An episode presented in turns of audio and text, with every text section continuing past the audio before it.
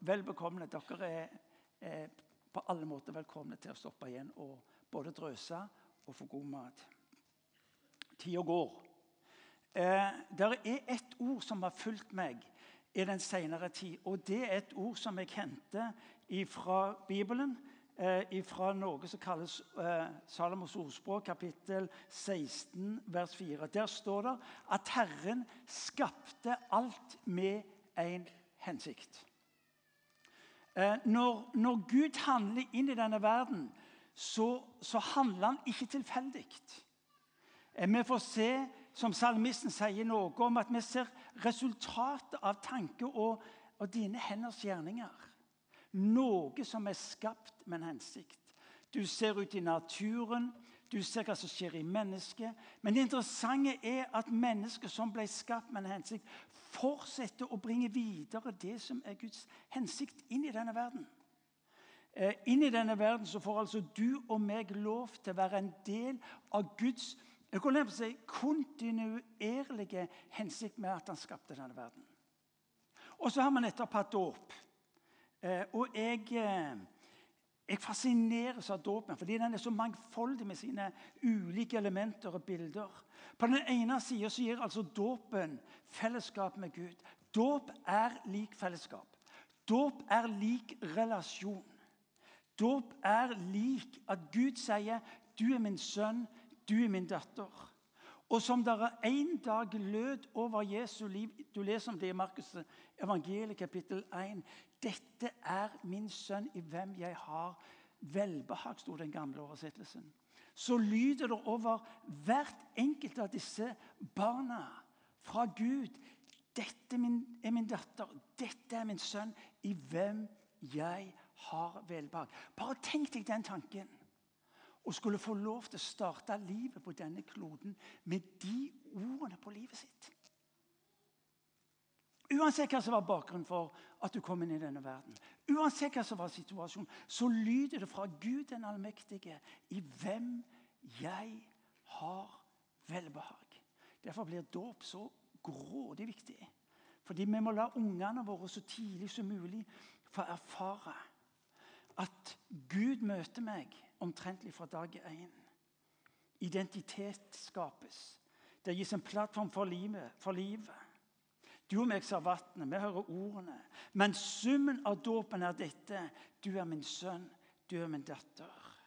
Så har altså dåpen et utgangspunkt, nemlig Guds farshjerte.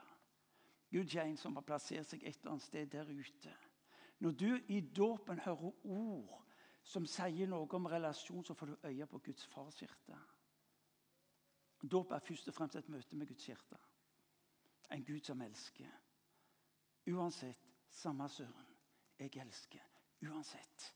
Og der skal du møtes på. I det skal du få lov til å leve i. Og samtidig så lyder det at frelse er også lik det du møter i dåpen. Frelse er lik back on track. Frelse er å bli tatt tilbake på det som var det opprinnelige ønsket og målet fra Guds side. Synd er lik ikke primært hva du gjør. Synd er lik at jeg velger et annet spor. Synd er lik opprør mot Gud. Så dåp er back on track, det Gud ønsker for deg. Synd er å fortsette på en vei. Vi tror nemlig ikke Vi tror nemlig ikke at mennesket fødes inn i denne verden og alt er bare bra. Vi tror ut ifra Guds ord at mennesker fødes inn i denne verden og noe er grunnleggende feil. Mennesket er på feil vei. Så dåp er å back on track. Det Gud hadde for mennesket. Synd er å bli værende på en vei som fører til fortapelse. Take it or leave it, sier Guds ord. Gud dømmer ingen til fortapelse. Det gjør mennesket sjøl ved å velge å fortsette på veien bort fra Gud.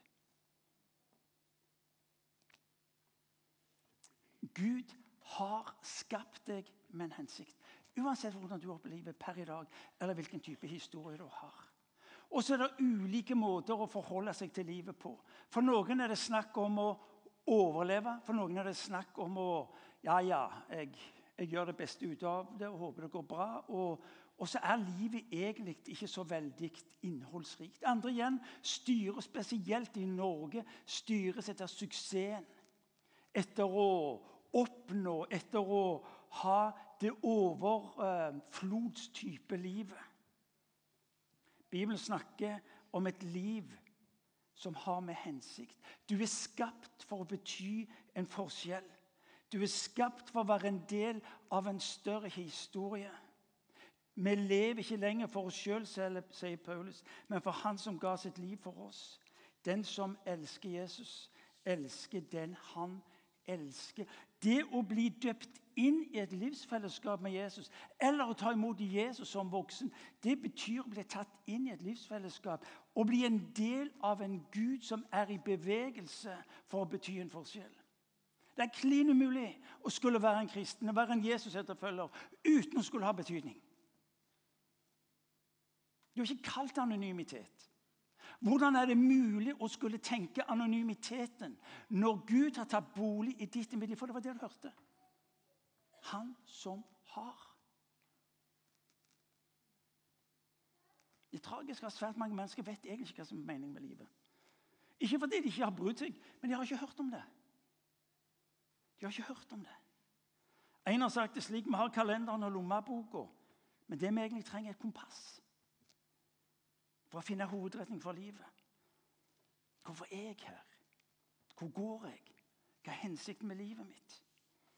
Jeg husker jeg møtte for en del år tilbake en meget vellykket forretningsmann. Han var i konfeksjonsbransjen, solgte klær. Du kan ikke si bytter og spann av klær, men han solgte noe aldeles yselig. Så husker jeg vi gikk på en tur på, på stranden i og så, og så, snakket vi om livet, og så spurte jeg han du, når du en dag ligger i gang, Du ligger der nede vet du, i, i, i grava, og folk står og ser på deg. Og, hva vil du de skal si? Det er ingen som solgte så mye kjoler som han der. Det var helt enormt. Han var helt enorm. Han solgte kjoler overalt. Er det det du vil de skal si om deg? Eller hva vil du de skal si om deg? Så, Martin, har aldri tenkt på det. Aldri tenkt på det. Jeg har et ønske om at livet skal ha en betydning utover at jeg skal tjene mest mulig penger. Og han tjente mye penger. To år etterpå solgte han hele virksomheten sin. Noe traff han fordi han hadde et ønske om at livet hans skulle ha en betydning. At han skulle leve ut det han trodde var Guds hensikt med livet hans. Du er skapt med en hensikt. I Jesajas kapittel 26, vers 3 så står det Gud gir fred til de som lever etter hans hensikt.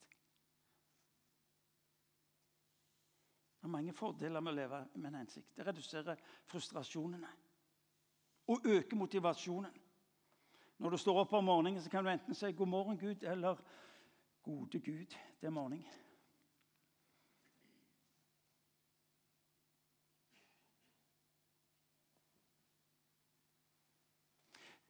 Dersom Gud har en hensikt med mitt liv, så drar han meg primært inn i relasjonen med seg for å la det bli utgangspunktet for det han ber meg om å gjøre. Det er interessant. Eh, du er ikke først og fremst tjener. Du er sønn. For jeg vet hvilke tanker jeg har med dere, sier Herren.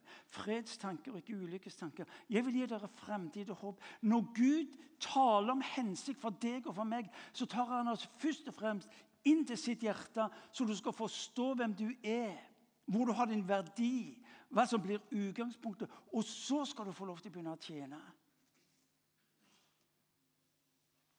Jeg vil gi dere fremtid og håp. Du og meg trenger håpet for å fikse livet. Der får du entusiasmen. Der økes motivasjonen. Bibelen sier rett ut du kan ikke fatte hva Gud ønsker å gjøre i ditt liv. Hør! Han som virker i oss med sin kraft og kan gjøre uendelig mye mer enn alt det vi ber om og forstår. Når Gud taler om hensikt med ditt og mitt liv, så er det ikke religiøs tvangstrøye. Men det er et uttrykk for at når jeg kan få lov til å se deg virkelig, og det du er skapt for, det du er frelst for, så er det et sted hvor jeg kan få lov til å velsigne deg maksimalt. Og Dere har hørt meg si det så mange ganger at menneskene i denne byen har egentlig ikke sagt nei til Jesus. De vet bare ikke hvordan han ser ut. Denne verden lengter etter å erfare lengter etter å erfare at Gud er god, at han er for dem. Uansett hva slags type rekord de har på livet sitt. Allmaktens Gud, syng over ditt liv. Jeg vil gi deg langt mer enn det du er i stand til å be om og forstå. For et utgangspunkt når vi kalles til å leve ut et liv som er Guds hender.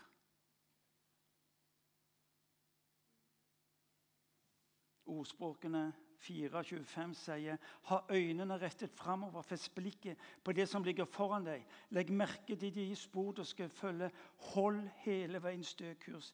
Bli ikke distrahert. Når du lever med en mening, så beskyttes du mot distraksjoner. Det er jo det som er det fenomenale når, når livet ditt blir hensiktsbasert. Når du skjønner at det ikke er en tilfeldighet. Når du skjønner at eh, livet er ikke styrt av tilfeldighetene, men skal få lov til å være en del av det den allmektige Gud ønsker å gjøre inn i denne verden. Det kalles for nåde. Det kalles for nåde. Når du og meg vet hensikten med våre liv, får vi også hjelp til å prioritere. Holde kurs på det vi kjenner er viktig beskytte våre verdier, slik at ikke vi begynner å kompromisse med det som er viktig inn i en, inn i en tid. Du og meg utfordres det merker jeg jo i mitt eget liv også, Vi utfordres jo konstant på å prioritere annerledes. Verdiene våre, det som var drømmene våre, for å velge en eller annen type snarvei. Bruken av tida, bruken av penger, bruken av ressurser. Martin, hvorfor lever du som du gjør? Mitt liv ville vært helt annerledes hvis jeg ikke hadde fått tak i det. Gud har en hensikt med livet mitt. Og Min bekjennelse skal få lov til å være at jeg styrer min tid og mine penger og mine ressurser etter det jeg tror Gud har kalt meg til å være i denne verden. Og Det gjør jeg ikke bare fordi jeg er en pastor eller prest, men fordi jeg er menneske. Fordi jeg har et ønske om å være en Jesus etterfølger. Paulus eh, Apostelen Paulus sier i Filipperne kapittel 3.: Jeg jager mot målet. Jeg jager mot målet. Glemmer det som er bak. Vet du at det er lettere å, å glemme fortida og la fortida være det den er, hvis jeg vet at jeg eh, får lov til å jage mot noe som er Guds plan for livet mitt. Du er skapt med en hensikt. For vi er Hans verk, sier Paulus i Efeserbrevet. For vi er Hans verk skapt i Jesus Kristus til gode gjerninger som Gud på forhånd har lagt ferdige for at vi skal gå inn i dem. Tenk å få lov til å starte en dag og høre de ordene på livet sitt og vite vet du hva, det er, Guds, det er Guds holdning til meg. Det er Guds forhold til meg. Og så vet vi at livene våre ikke alltid går den rette veien. Og I forberedelsene mine så ble jeg stoppa for Jeremia kapittel 18, hvor vi leser om hvordan eh, profeten får et møte med Guds måte å handle på. For vi tror at hvis jeg ikke klarer forventningene, hvis jeg ikke innfrir det omgivelsene og omstendighetene eh, på et vis legger til rette for at jeg skal gå inn i, så er det mange som mister frimodigheten. Og så lyder det så nydelig fra Jeremias 18. Dette ordet kom til Jeremia fra Herren. Stå opp og gå ned til pottemagerens hus. Der skal jeg la deg få høre mine ord. Så gikk jeg ned til pottemagerens hus. Han sto og arbeidet med dreieskiven. Når karene holdt på å lage av leire, ble mislykket i pottemagerens hånd, laget han det om til et annet kar, slik han syntes det var riktig. Folkens, livet kan gå i stykker for oss. Livet ble ikke det jeg trodde, drømte om, håpte på. Det jeg kjente, var Guds hensikt med livet mitt. Og så var det så altfor mange, og kanskje ikke minst i kristne miljøer, som opplevde at fordi de ikke holdt mål, fordi de svikta, så trakk de seg tilbake og så isolerte de seg og så sa de, «Eh, det der er ikke for meg.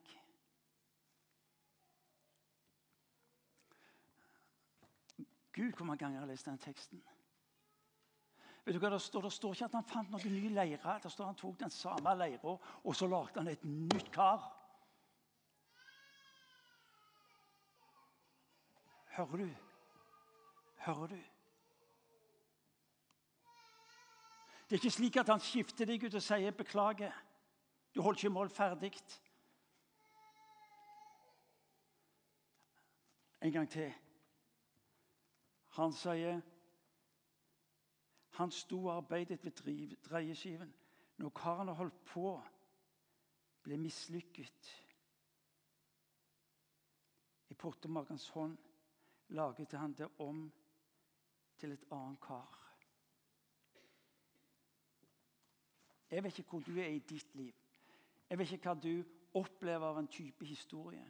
Men det jeg vet, og det som demonstreres både i dåpen og i dette ordet hører det er Gud er ikke egentlig så fryktelig opptatt med din fortid som han er opptatt med din fremtid. Det er egentlig godt sagt. Fordi fortida har han gjort noe med. Synda har han gjort noe med. Nederlagene Det skulle vært annerledes. Og så begynner han på nytt.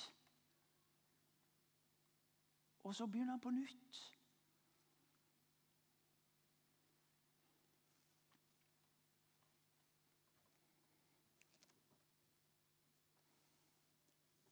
Med sameleiren. Og så lager han det karet. Min invitasjon til deg i formiddag det vil du la han få lov til å begynne på nytt i livet ditt. Vi har hørt det mange ganger før i dag. Begynner resten av ditt liv. Det er egentlig en gyselig sannhet. En god sannhet. Gud har en hensikt med livet ditt. Du er ingen tilfeldighet. Du skal få lov til å ta imot det han rekker deg. Hvorfor kirke? Jo, fordi kirke er et sted hvor du skal få lov til å begynne på nytt. Kirke er et sted hvor du kan få lov til å begynne å gå sammen med andre som ikke er bedre enn deg sjøl, men som lever av og på den samme nåden som du sjøl får leve av og på. Dåpen, husker du hva jeg sa? Barnet blir tatt inn i fellesskap med Gud Fader for å ha en hensikt på denne kloden. Vårt mål i Imi og kirka ønsker ikke primært at vi skal få høre navnet på barnet der det døpes, men at vi skal skjønne at dette barnet har begynt på en reise har begynt på en vandring for å bli en del av den Guds plan som hviler over dette barnet. Og For oss har det blitt viktig her i IMI både å, å, å, å synliggjøre betydningen av det i dåpen, men også ved vårt barne- og ungdomsarbeid. Også når det gjelder etableringen av KF-skolen. Det var fordi vi ønsker så tidlig som mulig å bygge inn i unger og ungdommer en trygghet, en identitet, en frimodig forventning til det Gud har for livene de skal de få lov til å vandre inn i. Ikke som automater, men ut ifra den relasjonen av å være sønn og datter. Gud har en plan med livet ditt. Gud har en hensikt med livet ditt. Og så er alt stilt til disposisjon for at du og vi skal få bli i den. Og enda sterkere eh, bli ham lik, som Den hellige ånds hovedoppgave er med ditt og mitt liv. Leif Hetland har sagt det sånn hvem han er, er hva vi blir. Og hva vi blir, er hva vi forløser. Til slutt Barnet døpes inn i Guds hensikt med livet. Vi skal hjelpe dem i denne menigheten. Disse fem og de andre til å bli værende. Fortsette denne vandringen i Guds hensikt. Det er et privilegium. Vise dem Kristus. Gjør de, gi dem erfaringene av en Gud som er god, en Gud som er nær, en Gud som kan bety en forskjell i denne verden. Det er det første jeg vil du skal ta med deg. Det andre For noen av dere er det godt mulig et spørsmål om å finne tilbake til dåpens nåde. Rett og slett omvende dere. Omvende betyr å skifte fokus, betyr å skifte sinn. Når jeg bruker ordet omvendelse, så betyr ikke det nødvendigvis at du har gjort noe galt. Det er bare det at du har Så la dåpen være en påminnelse til deg om at Gud har en hensikt med mitt liv. Og der jeg sklei ut fordi det var ting som fulgte det opp, er det kall om å vende tilbake. Men også for mange tre blir det å skjerpe fokuset. Du og vi må komme lenger enn å skulle fullføre og oppnå personlig suksess. Du og vi kalles til å bli en del av Guds hensikt med livet. Vet du hva? Hør, da blir du også et Guds møtepunkt for menneskene rundt deg. Og du vil få se denne verden bli en bedre plass å leve. La oss be. Kjære Herre Jesus Kristus, vi takker deg fordi at når du kommer inn i denne verden, så er det for å gjenopprette det som var ødelagt. Herre Jesus Kristus, jeg takker deg for denne vanvittige prisen du betaler for å gjenopprette relasjonen som var ødelagt. For å føre mennesket inn i det som var din hensikt. Bare jeg ber for barna og ungdommene her. Vi ber om å få lov til å se dem eh, støtte, styrke, eh, få hjelp Herre, til å leve med deg og det som er din hensikt med deres liv. For jeg ber også de som, har, som det har glipp for, og som har glidd ut, og som ikke lenger er en del av det du gjør her. Vi ber om at du skal ta oss alle inn i det som var din plan og din hensikt, Herre, for livene. For minn oss alle på Minn oss alle på, Gud, om at du begynner på nytt, Herre, der vi kommer til deg med restene eh, i våre hender, Herre. Så ber jeg også her for folk i dette huset som følger deg, Herre. Vil du skjerpe fokuset vårt? Vil du gi oss å være et folk som betyr en forskjell? Herre, gi oss å være et folk Herre, som elsker det og de du elsker. Gi oss å være et folk Herre, som betyr en forskjell som gir mennesket mot på å tro på deg, følge deg, for de skjønte at du var god. Jesus, vi ber i ditt hellige navn. Amen.